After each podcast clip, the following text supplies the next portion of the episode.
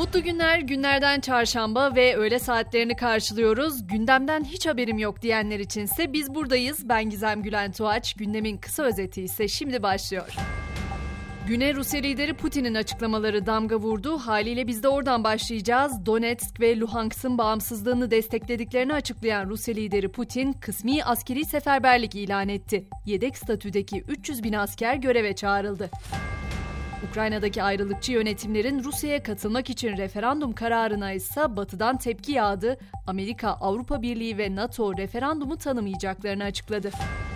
Putin ise Batı'nın Ukrayna'da barışçıl çözüm istemediğini savundu. Toprak bütünlüğü tehdit edilirse mevcut tüm yolları kullanacaklarını açıklayan Putin, bu bir blöf değil dedi.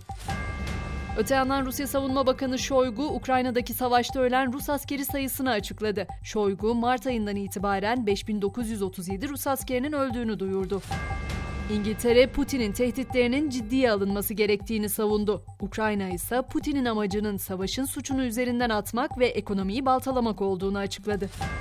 Bu arada Putin'in seferberlik ilanı ülkede de paniğe yol açtı. Ülkeden çıkış yapmak isteyen Ruslar havalimanlarına akın edince uçaklarda bilet bulmak zorlaştı. Bilet fiyatları 5'e katlandı.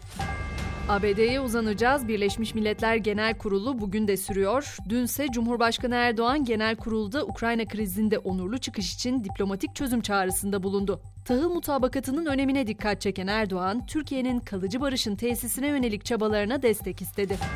Yurda dönecek olursak MIT'in Kuzey Irak'taki operasyonları sürüyor. Gara ve Metina'da PKK'lı 6 terörist etkisiz hale getirildi.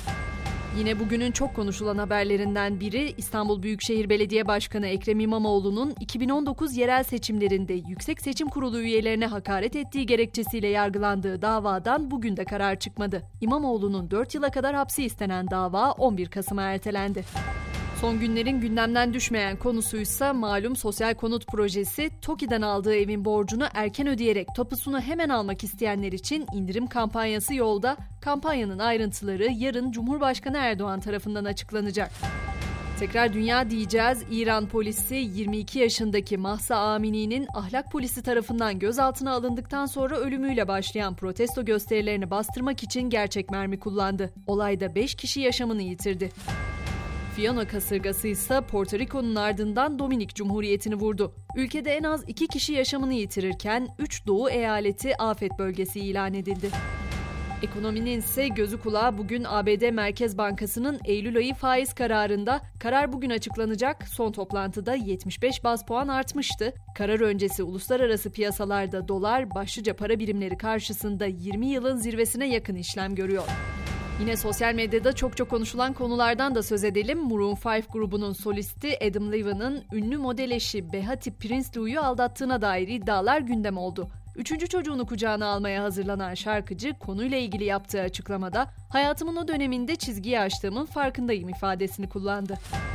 Alışveriş çılgınlarının merakla beklediği 2022 Black Friday tarihi de belli oldu. Her yıl Şükran Günü'nden sonraki ilk cuma gününe denk gelen indirimler 25 Kasım'da yapılacak.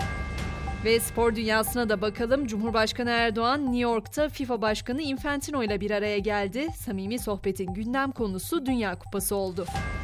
Avrupa futbolu ise kapılarını Rusya'ya açmamakta ısrarcı. UEFA Euro 2024 elemelerinden Rusya'yı men etti. Ve Formula 1'de 2023 sezonunun yarış takvimi açıklandı. 24 yarışla tarihte en fazla yarışa sahne olacak sezonda Türkiye Grand Prix'si yer almıyor.